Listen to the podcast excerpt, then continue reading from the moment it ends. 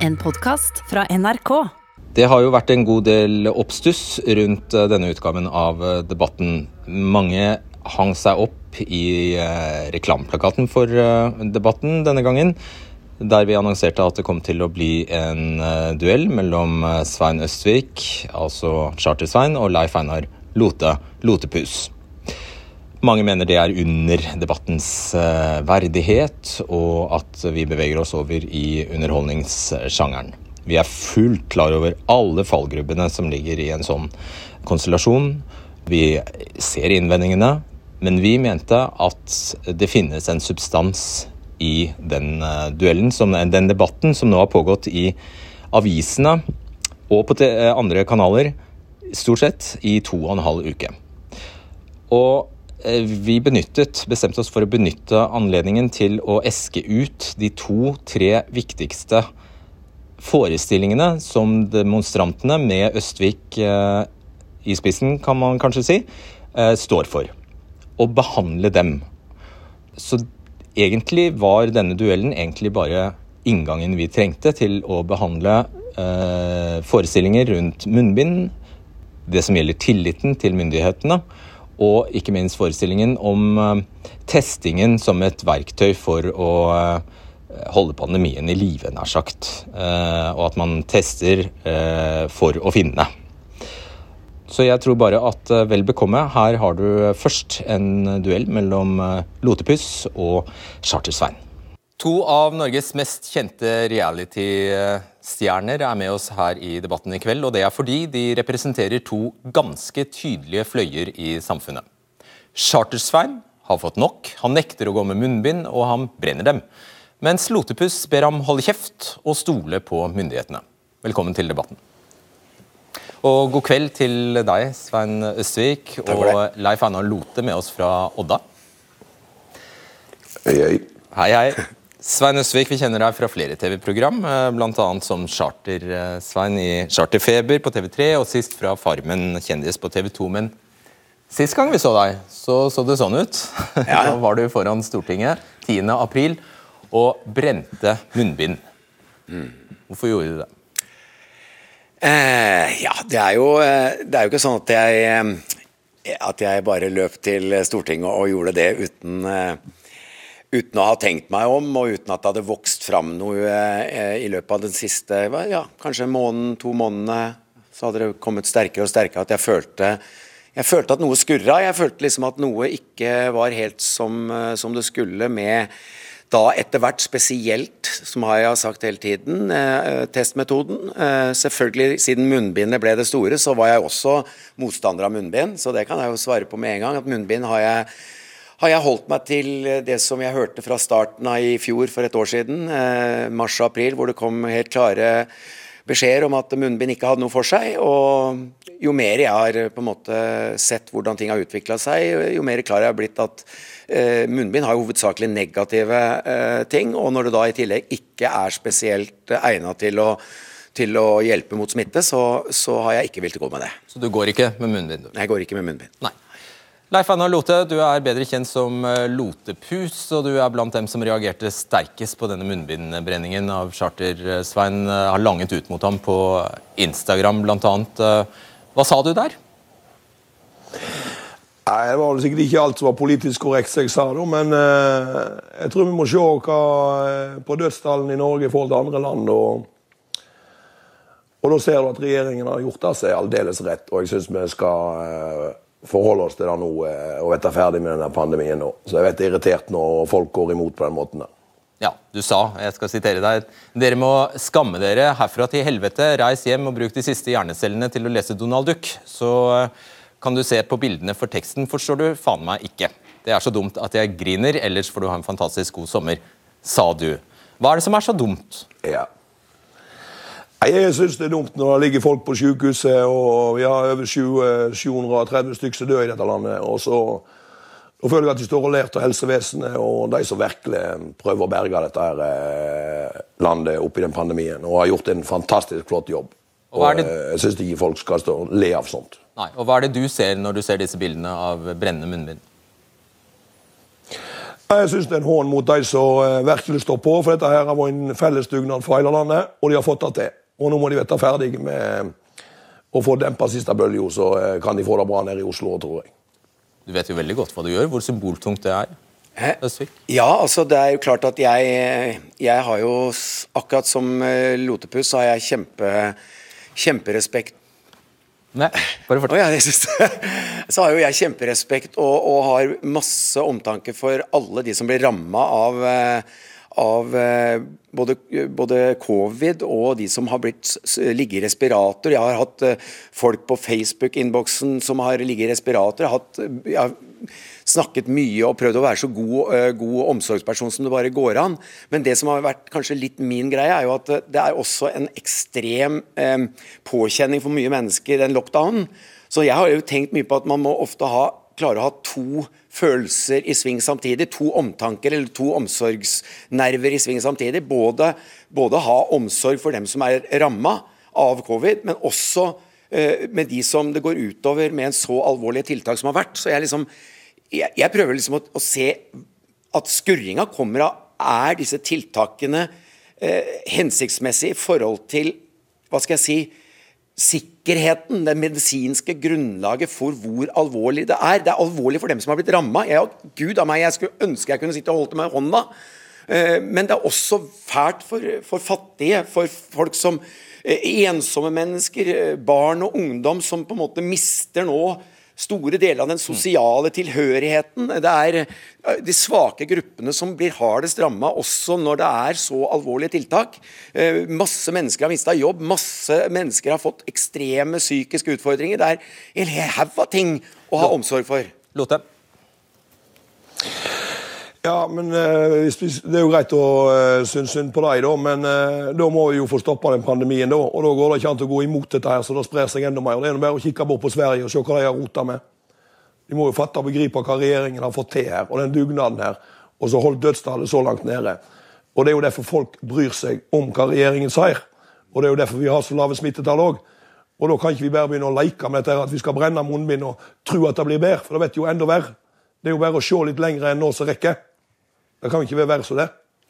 Ja, altså jeg føler at eh, jeg føler at det er nettopp det jeg har prøvd å gjøre. da, Lotte, ikke sant? Jeg har prøvd å, å følge litt med, og jeg syns ikke det er så klart. Det er, der, det er jo der min skurring har kommet veldig tydelig fram. Lotte, at jeg, jeg føler at det, ting er ikke så klart som det blir lagt fram. Det er ikke sånn entydig. Det er ingen, det er ingen medisinsk Altså, det kommer ingen informasjon som er sånn klokkeklar på at eh, det har vært eh, ekstremt eh, gode resultater av å ha det så stramt. For La finnes munnbind- la oss bare holde oss Ja. foreløpig til, Ja, men liksom til et, et ja. øyeblikk. Ja, men Det er jo veldig symboltungt. Du vet jo, Har, har ikke du noe ansvar som så, en så kjent person? Hva? Har ikke du noe ansvar som en så kjent person? Jo, jeg syns også jeg har ansvar for å, for å stå opp uh, som enkeltperson. Når jeg syns i en tid Jeg har levd i 60 år. Jeg har sagt flere ganger, jeg har levd i 60 år. Dette er en tilstand som jeg ikke har vært i nærheten av å oppleve. Og når jeg da opplever at noe ikke helt Det har jo ikke vært noen pandemi så lenge du har levd. Nei, nei, det har ikke vært tilstander som dette. Dette er jo en helt spesiell situasjon. Og jeg har alltid tenkt at eh, når det er ekstreme situasjoner, så er det viktig at, at man ikke sluker enhver ting. Altså, kommer det uh, usikkerhet inn, få usikkerheten opp på bordet. Få mennesker fra alle, alle Hva skal vi si? Her er det jo veldig uenighet om forskjellige ting. Spesielt, som jeg har sagt, på testmetoden. Ok, Lote, hva er det du reagerer du mest på? Eh, handlingen om brenne munnbind, eller mest på at han er skeptisk til myndighetene? Ja, egentlig så Jeg og Svein burde jo ikke vært i, eh, oppi dette her, for det finnes noen folk her i landet som er sikkert en god del glupere enn meg og han når det gjelder dette her, da, som virkelig har greie på det. De er her, de Så meg og han står og diskuterer det. Vi skjønner jo sikkert ingenting begge to. Men vi må jo bare forholde oss til de som er eksperter. Det er jo det jeg mener. Jeg kan sikkert lære deg å kjøre gravemaskiner, men jeg har jo ikke peiling på medisin, og det tror ikke jeg han heller. Men, men jeg mener jo, Lotte, at det er eksperter som ikke kommer like mye fram i lyset. Og jeg har jo sagt det at det er noe som murer. Det er veldig splid i, også gjennom, eh, mellom eksperter. Og det er det jeg, som har gjort at det skurrer for meg når det blir så ensidig, og vi vet at det er mange forskjellige tunger ute og går, fra også fagfolk. Det er greia. Ja, men du ser jo jeg har fått det til, da. Du, du ser jo hva, hva som skjer. Vi har opp å og ned, så er det på igjen med, altså, Så er det strengere igjen, og så er det mindre rødt lys, og så er det gult lys, og så er det alle lysfarger som finnes.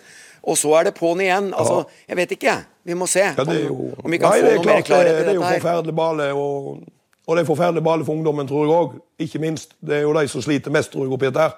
Ja. Men vi er jo bare nødt til å bite oss fast og prøve. Alle må samle seg om samme gang, tankegangen og vite kvittet der, Og da må vi bruke munnbind, og vi må få sprøyter, og så enkelt er det. Ok. Jeg Jeg tror, tror ikke det er så lett.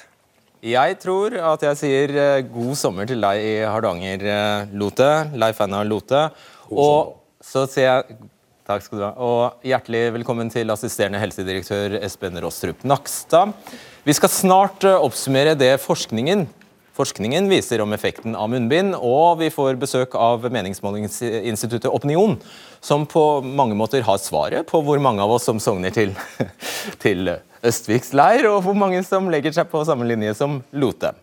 Men eh, det er en sak du faktisk er mer opptatt av, du nevnte det så vidt, enn både munnbind og, eh, og restriksjoner, eh, Svein Østby, og det er de såkalte PCR-testene, altså de testene som er mest utbredt i Norge. Ja. Hva er problemet med dem? Ja, så Problemet med den er jo at uh, altså det, det var den som gjorde at jeg på en måte dro til Stortinget. Den var den utløsende faktoren. Og det gikk på at eh, det er en det er en test som, eh, som, som er veldig bredspektra, si. Altså den, den kan slå ut veldig forskjellig ut ifra eh, noe som kalles for cycles. ikke sant? Sykluser på noe. Sykluser, ja. Og når jeg satt meg litt inn i det, så, så, så var det sånn at jeg, eh, jeg fulgte jo med. Jeg har fulgt med ganske mye. og og vet da at eh, når man bruker høy syklus, så, så, slår den ut eh, på Altså, den kan slå ut på alt. Og det er jo det som er Den kan slå ut på virus som er i mik... Altså så få at det nesten ikke går an å snakke om. Og det er det medisinske grunnlaget, og, og på en måte at helsemyndighetene har bevisbyrden, uh, syns jeg, overfor å kunne legge fram ordentlige eh, hva skal vi si, informasjoner rundt dette. Og det har jeg mangla helt, fordi noen mener at det å bruke høy syklus gir Ja. meningsløse resultater. Og der har jeg jo på en måte eh, fra Rikshospitalet og, og fra, og fra, eh, fra eh, altså hva vi bruker i Norge, det er, ligger mellom 40 og 45. Og eh, eksperter eh, sier at for å få noe som helst resultat som kan brukes i forhold til om du er syk eller ikke, så, så skal man bruke under 30.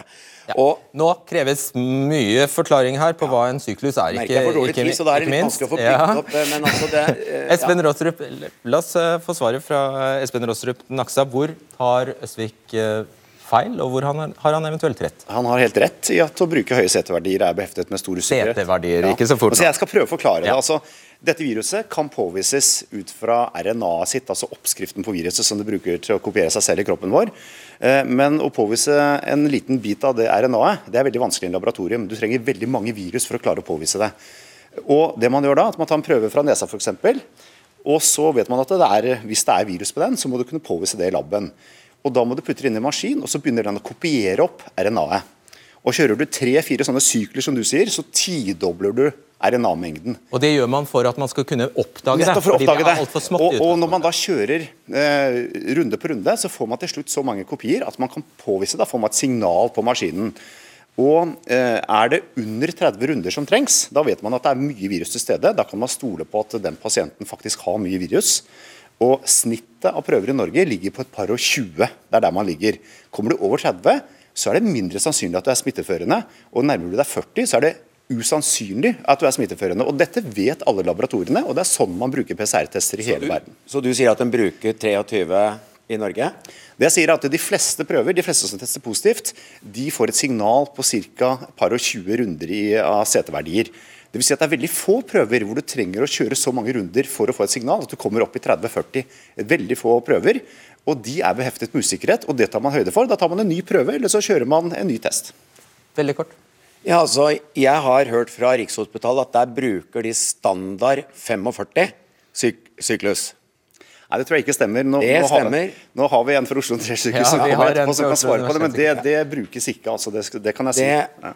det er jeg eh, Det, Men- men- men- akkurat det er- du sier der, Svein Øsvik, Ja, det det skal vi jeg få en oppklaring på. Ja, ja. Det skal vi få en oppklaring på akkurat nå. Jeg sier tusen takk for at du Jeg hadde ett spørsmål til slutt. Jeg Vet du hva, vi rekker det ikke. Beklager. Beklager. Det får bli neste gang. For du slår nemlig ikke ut på, på verken folk som er syke, eller kan bli syke, har vært syke, eller er smittebærer hvis man bruker høy syklus. Vi skal behandle det også. Tusen takk, Svein Ja. Eh, som sagt, Vi gjør et lite skifte, og vi skal fortsette å fordype oss i nøyaktig hva som skjer med disse prøvene etter at de kommer til laboratoriet. Det er foretatt over fem millioner tester, tester så langt i pandemien i Norge. 111 000 har fått beskjed om positiv prøve. Og Nå skal vi prøve å forstå litt mer om hva som skal til for at man får beskjed om prøven er positiv eller negativ, som er det Østvik er opptatt av. Elisabeth Toverud Landås, du er overlege ved mikrobiologisk avdeling ved Oslo universitetssykehus. Vi jobber til daglig med koronatestanalyser, og nå om dagen har jeg skjønt at dere tar imot 4000 prøver i døgnet. Eh, ta oss etter at man har stukket en pinne opp i nesa og ned i, ned i halsen. Dere, får da også noen vevs, eh, litt vev eh, fra oss. Hva skjer da, helt praktisk, hos dere? Ja, da vil jo eh, prøven sendes til laboratoriet, registreres. Så må man gjøre først en forbehandling av prøven, hvor man får ut arvestoffet, eller da RNA til viruset som vi ser etter her. Videre så gjøres denne PCR-metoden. Og det er jo da en veldig veletablert metode som er hoveddiagnostikken for viruspåvisning generelt. Ikke bare når det gjelder eh, koronavirus, men helt generelt. Og den går ut på at man skal da kopiere opp et område av et genområde som er helt spesifikt for i dette tilfellet koronavirus. Så når eh, Svein Østvik sier at eh, der kan du bare, du bare du ganger opp, eller bare du kopierer og kopierer, og kopierer, så vil du til slutt finne rester av alle mulige typer rusk og rask og virus. Det, det stemmer ikke, for dere leter altså bare etter korona.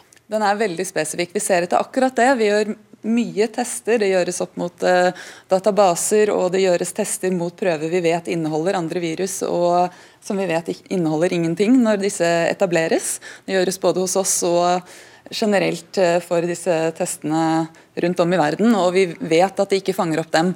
Så det at man gjør mange sånne repetisjoner for å få kopier, så i utgangspunktet kan man ikke kopiere opp noe som ikke er der.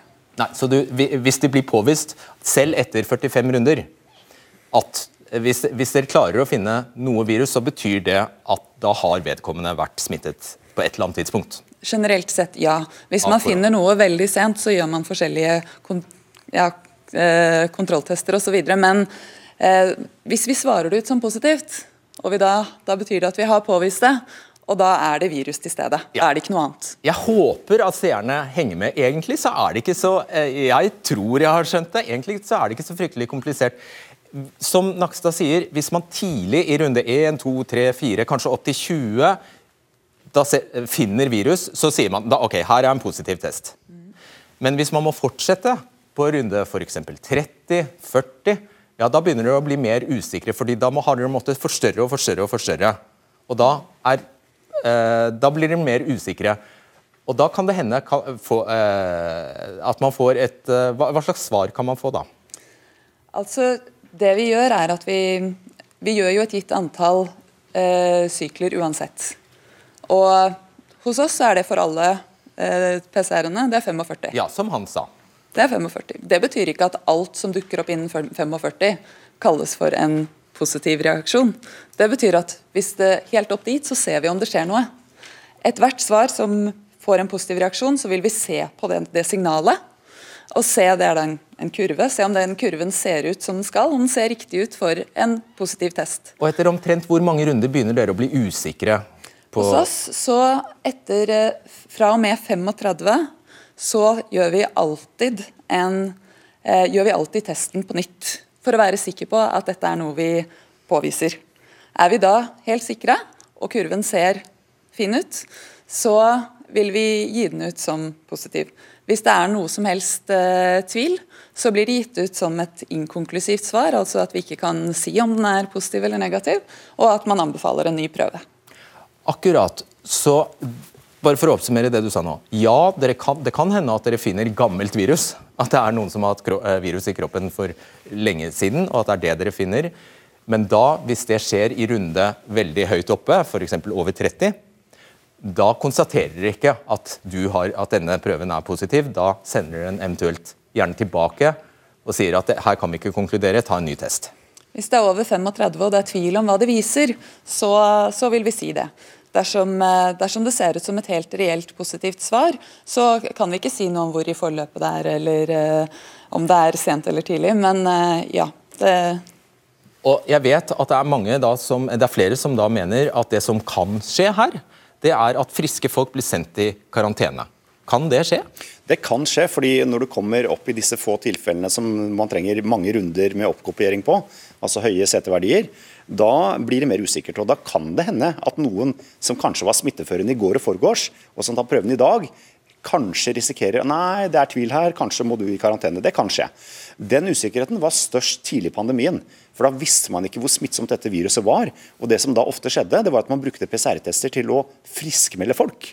Og Så tok man prøve kanskje en uke etter at de blitt friske, og så fant man virusrester med ganske høye seteverdier. Og så ble det kanskje seilende under et falskt flagg at dette var positivt.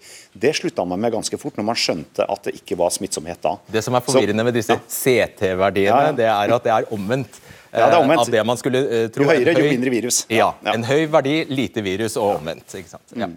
Og, jeg vet ikke om vi trenger å skjønne den skalaen der. Ja, det går jo på hvor mange, hvor mange, runder av å ta temperatur opp og ned for å få gjennomført det det disse kopieringene trengs. Og Er det mye virus til stede i utgangspunktet, så vil man ikke trenge fullt så mye for at et signal blir sterkt nok til å komme over denne terskelen, cycle threshold, eh, for å være positiv. Det er det CT står for, cycle threshold. Ja. Og du, nå, eh, fordi Vi holdt på å glemme det morsomme med den prosessen. Det er nemlig at det går ut på å sette, altså øke temperaturen, senke den, øke den. Kan mm. Fortell litt mer om det.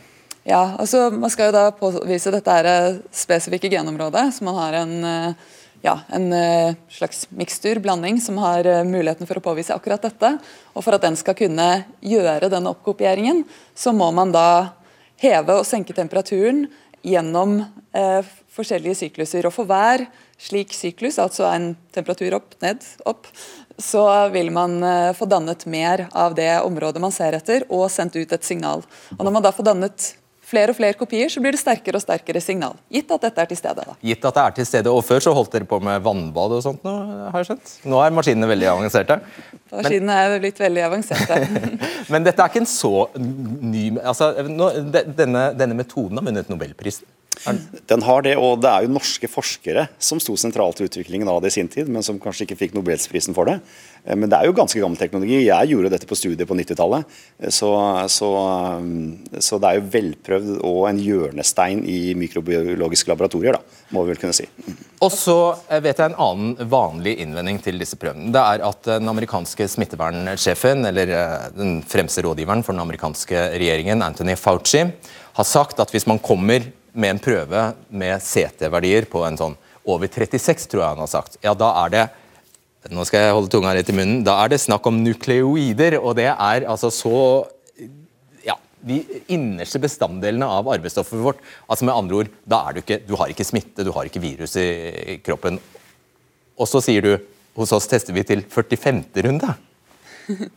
Ja, altså igjen, vi For det første, vi er jo vi er jo sikre på at vi påviser det vi ser etter. Dette her er det er nukleotider. Det er det det er, det er det vi påviser. Men eh, det er jo nukleotider som er del av arvestoffet til et virus. Og han mener vel da at da er det ikke noe annet enn bare rester, på en måte. Og det som eh, vi må si, Hvis man, hvis man nå konkluderer med med disse kontrollene vi gjør, som nevnt, at dette er en reell positiv prøve, hva er så betydningen når den er veldig svak? Mm. Og Da er det jo mange faktorer som spiller inn, som vi ikke alltid har så god kjennskap til, som er før prøven kommer til laboratoriet. Det er viktig at man får tatt en god test. Man må få kommet ordentlig til, fått med litt, uh, litt slimhinne med virus i. Og uh, det kommer det an på prøvetaker, anatomi i nesen osv. at man får gjort dette her. Så kommer det an på hvor man er i, uh, i forløpet. Hvis det er en som er helt tidlig i sykdomsforløpet, så vil man kunne risikere å få en veldig svak prøve, men hos en person som kanskje om en dag eller to er veldig smitteførende, som da har et mye høyere virusnivå enn det aktuelle. Nettopp. Og jeg har skjønt at av 7000 prøver som var positive hos dere, så fant dere bare 2,8% som hadde en såkalt CT-verdi over 35. Så det er veldig få, altså. Dette er veldig få. De aller fleste får jo lavere verdier enn det. og Dette er jo da prøvene som vi ved retesting, eller altså ved ny, ny test, har bekreftet at det er positive. Så oppsummer for oss til de som er veldig skeptiske til Og dette er en gjenganger, det har du sikkert Ja. fått med deg. Til de som er skeptiske til PCR-testen. PCR-tester er veldig pålitelige hvis de tas på riktig måte og analyseres sånn som de skal. Eh, og så vil man på laboratoriene være forsiktig med å tolke funn hvis man må kjøre veldig mange runder i denne maskinen. Det er egentlig konklusjonen. Og dette er rutine på laboratoriene. Det at man kjører 40 runder, det er en rutine. Det er ikke fordi at man da mener at 40 er et positivt svar. Man, som du sier, man setter cutoff på 35 på ditt laboratorium. Andre steder har man litt andre oppsett. Det kan være lavere og litt høyere. Men dette har man gode systemer på nettopp for å unngå falske positive prøver. Da. Og det er ikke mye falske positive prøver i Veldig, Norge. li veldig, Veldig lite. Ok, vi får bare stole på det. Ja, Tusen takk, Elisabeth Toverud Landås. Du blir stående, Naksa. Takk skal du ha. Én ting er jo å brenne munnbind foran eh, Stortinget. Det er det ikke så mange som gjør. Eh, De var eh, vel en 200 personer den 10. april f.eks. Vi har sett langt større og også hissigere demonstrasjoner i Europa. Og noen går så langt som å mene at eh, viruset ikke finnes, at det er skapt. I går så vi disse bildene fra India. Dette er Abu Sadat som kveles langsomt i baksetet på et kjøretøy på gata utenfor et sykehus i Delhi. Familien hans har forsøkt i åtte dager å få ham inn på sykehuset uten hell. De mangler syke sengeplasser i India, medisiner, oksygen. Og tankene med oksygen blir solgt på svartebørsen til den som har råd. Mellom 2000 og 3000 indere dør hver dag nå av korona. Imens vokser altså mistilliten til regjeringen, helsemyndighetene og kommunene i verdens rikeste land. Ola Gaute Aas Askheim, du er seniorrådgiver i analysebyrået Opinion, og dere har målt folks tillit til myndighetene gjennom hele pandemien i det som kalles Norsk eh, koronabarometer. Hvordan har denne utviklingen vært? Eh, Det er et interessant spørsmål, fordi eh, vi måler jo tillit på, til ulike instanser, både helsemyndighetene, til regjeringen og til kommunene. Og For å starte med tilliten til helsemyndighetene, så har den vært jevnt høy og veldig stabil gjennom hele perioden. Det er han, det er egentlig. Det er han. Og, øh, og, øh, og også den høyeste snittverdien gjennom perioden. Når det gjelder tilliten til regjeringen, som viser de største fluktuasjonene, altså forskjellen på den høyeste og laveste målepunktet, så har det øh, svingt mye mer. Vi så et uh, ganske bratt fall mot sommeren i eh, fjor. Her har Der vi grafen vi det, ja. på, på veggen. Det er den røde uh, linjen der. Uh, unnskyld, den blå linjen. Sånn, nå ser vi også, nå ser seerne det også. Det, ser seerne det, ja. Bruk fargene, er du snill. Ja. Den grønne linjen er altså tilliten til helsemyndighetene med det høyeste snittverdien gjennom hele perioden. Så har vi den blå linjen, som er regjeringen, og hvor, hvor vi ser et ganske bredt fall mot, mot sommeren. Eh, Vi tror det hadde sammenheng med at eh, det ble åpnet opp for eh, feriering i utlandet bl.a. Og så steg tilliten inn til regjeringen igjen frem mot årsskiftet. Men fra desember og frem til april, eller iallfall frem til og med mars, så ser vi et fall igjen. Og Det er kanskje en bekymring for at ikke, altså regjeringen ikke har full kontroll over situasjonen, og for at smitten kan bryte løs igjen. Ja, og I tall så er det snakk om at tillit til regjeringen da har sunket fra er det i underkant av 75 til uh, eh, ja, Litt over 50, 55 eh, Unnskyld. eh, Selv litt over 60. par- par- Par og 60. Ja. Ok, Uh, Så snakker Svein Østvik om eh, skepsis til eh, myndighetene. Uh, Og det snakkes jo en del om tiltakstrøtthet eh, blant folk. Kan man øyne det? Nei, egentlig ikke. Kanskje snarere tvert imot. Vi tror at ut fra de tallene vi har altså, la, oss se på, på tallene. Dette er Ja. også uh, andelen som henholdsvis er uenig eller enig i at uh, Som er henholdsvis da den grønne og den røde. Som er enig i at uh, påleggene fra myndighetene er for strenge. Og Vi ser riktignok et visst fall i andelen som er uenige. Men samtidig er det jo langt flere, det er jo majoriteten av befolkningen, langt over halvparten, som eh, er uenig i at tiltakene er for strenge. Dobbeltnegasjon. Dere har gjort det vanskelig for oss her. men det Ja. Okay. ja. Det betyr altså at 61, 61 står det her, er eh, uenige i en påstand om at myndighetene har vært for strenge.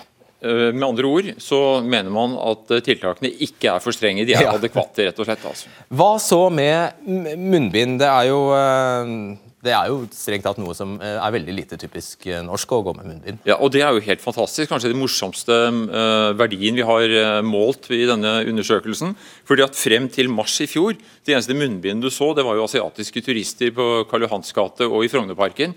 Men allerede i, på vårparten, altså for ett år siden, ganske nøyaktig, så var det rundt 30% av befolkningen, eller en tredjedel av befolkningen, som var positive til bruk av munnbind lenge før myndighetene kom med sine anbefalinger om bruk av munnbind. Faktisk eh, snarere tvert imot på det tidspunktet. Og så ser vi da en voldsom eh, oppslutning om eh, det å bruke munnbind eh, frem, til, eh, frem til i april i år, faktisk. Hvor vi har all time high, hvor åtte av ti nordmenn sier at munnbind er helt ålreit, og vi støtter bruk av munnbind. 80% av oss. 80 Hjertelig takk skal du ha. Tusen takk. Ja, det der er jo rart. Som sagt, For ett år siden ble det jo sett på som en raring og en alarmist om du gikk med munnbind. Nå er altså tallet 80% som er positive til bruk av eh, munnbind. Eh, Da skal jeg ønske velkommen til Egil eh, Lingås. Du er leder ved avdeling for smittevern ved Oslo universitetssykehus. Og nå skal vi snakke om nettopp munnbind. Hvor mye hindrer det hva vet vi nå, hvor mye hindrer det smitte å bruke munnbind? Da må jeg først spørre deg, kan du se forskjellen på disse fire munnbindene? Ja, jeg ser Det ene er i en slags tøy, de andre er vel i en slags papir. Dette er tre forskjellige munnbind med forskjellig beskyttelse. Det viser hvor komplisert dette egentlig er. at det, Hvis du skal sammenligne epler og pærer, så har vi problemer. Og Det er bare de tre som er medisinske munnbind. Og så har vi de som er såkalte private, som du kan lage. Så vi har fem forskjellige varianter av munnbind i Norge. Å svare på det spørsmålet betyr at det er ikke så lett. Og liksom, ja, Hvis det beste munnbindet brukes, så kan du si at når du har det på deg, eh, så vil det beskytte omgivelsene mot kanskje 90-95 av de dråpene du snakker, hoster, eh, puster ut. Og hva hvis eh, man er i omgivelse Hva hvis man hva, Motsatt vei, da? Ja, altså det er jo slik at det beskytter bedre på å spre dråper fra den som har det, enn å ta imot dråper fra de som ikke har det. Okay. Og Det skyldes bl.a. at det er noe som heter øynene. Og Øynene er jo åpne. Og Hvis du da noen hoster på deg i nærheten av deg, så vil jo øynene treffes av dråpene. Så de vil altså da munnbindet selvfølgelig ikke beskytte. Og Derfor gjør dette veldig komplisert. Og Da har vi ennå ikke begynt å snakke om det vi kaller åndedrettsvern, som altså er noe annet igjen. Ja, og det er disse nebbene. Ja. Ja disse hvite nebbene. Eh, hva skjer hvis man drar eh, munnbindet ned eh, under nesa? En det skjer to ting. For det første så forurenser du hendene dine med utsiden av munnbindet, som kanskje allerede har fanget opp noe koronavirus. Og så kan du da altså kontakte øynene dine og ansiktet ditt, og så vil du selvfølgelig ikke beskytte nesen lenger. Så eh, er effekten Den er, eh, det er det er ikke målt i og for seg, det er ikke så lett, men den er redusert. redusert? Ja, det, det skjønner vi for så vidt. Og så noe veldig interessant. Hvor lenge varer et munnbind? Vi, vi har fått eh, beskjed altså, Det er jo forferdelig det som skjer nå. Kaster vi jo munnbind hele tiden. Ja, Det er et veldig godt spørsmål igjen. Eh, Det er nemlig slik at Man har tradisjonelt sagt at et munnbind varer en halvtime, ti minutter osv. Vi har sett på det som er publisert. Og Et munnbind det virker aldeles utmerket, i hvert fall i fire timer. Men så sier vi at hvis det blir vått, altså hvis du får veldig fuktighet på det, så kan da eh, partikler sånn trenge litt igjennom. Men altså, det å bytte det veldig ofte er egentlig ikke nødvendig. Er ikke nødvendig, nei. Nei. Hva betyr det i flere dager? at du kan ha Nei, du, altså Vi sier fire timer, fordi at før eller siden så må du jo spise og drikke og hva du må gjøre. og Du skal egentlig ikke ta på deg et munnbind som du har hatt på deg, men istedenfor å ta på og ta på av, så kan du gå med det i tre-fire timer, eh, og så kan du ta det av når du ikke trenger det, eventuelt spise, ha lunsjpause, hva du har, og så tar du på deg et nytt et. Og Det er jo det som er relevant i helsevesenet. Gjelder det fortsatt at du ødelegger effekten hvis du stapper det i lomma? Nei, altså det, det vil jo bli krøllete osv., men eh, barrieren er der fortsatt. da. Ja, den er det. Ok, det var godt å høre. Hvorfor tok det så lenge Nakstad, før dere anbefalte bruk av munnbind? Og det kan jeg fortelle deg, eh, Til å begynne med i pandemien for et år siden, så var jo dette mangelvare i hele verden. Eh, og man trengte mye smittevernutstyr på sykehus, og også ute i kommunene, hvor man tok prøver annet av folk. Så det da anbefale at 5,4 millioner nordmenn skulle begynne da å bruke av de munnbindene vi hadde, det kunne vi ikke gjøre da. Men eh, grunnen utover våren og sommeren i fjor til at vi ikke anbefalte det, det var at FHI beregnet ut fra de veldig lave smittetallene vi hadde i Norge, at titusener av mennesker måtte gå med munnbind for å forhindre et eneste smittetilfelle. Eh, så vi hadde så lite smitte. altså Ute i juli i fjor så var det ti personer i Norge som testet positivt hver dag. Og mindre enn det. Vi hadde tre pasienter innlagt på sykehus med koronavirus midt i juli i fjor. Det var nesten ingen smitte, og da er det heller ikke nødvendig med munnbind. Aha. Men det endra seg når den andre bølgen kom etter høstferien. Da kom forkjølelsessesongen, høsten, kulden. Da er vi mer på busser og T-baner og tog osv.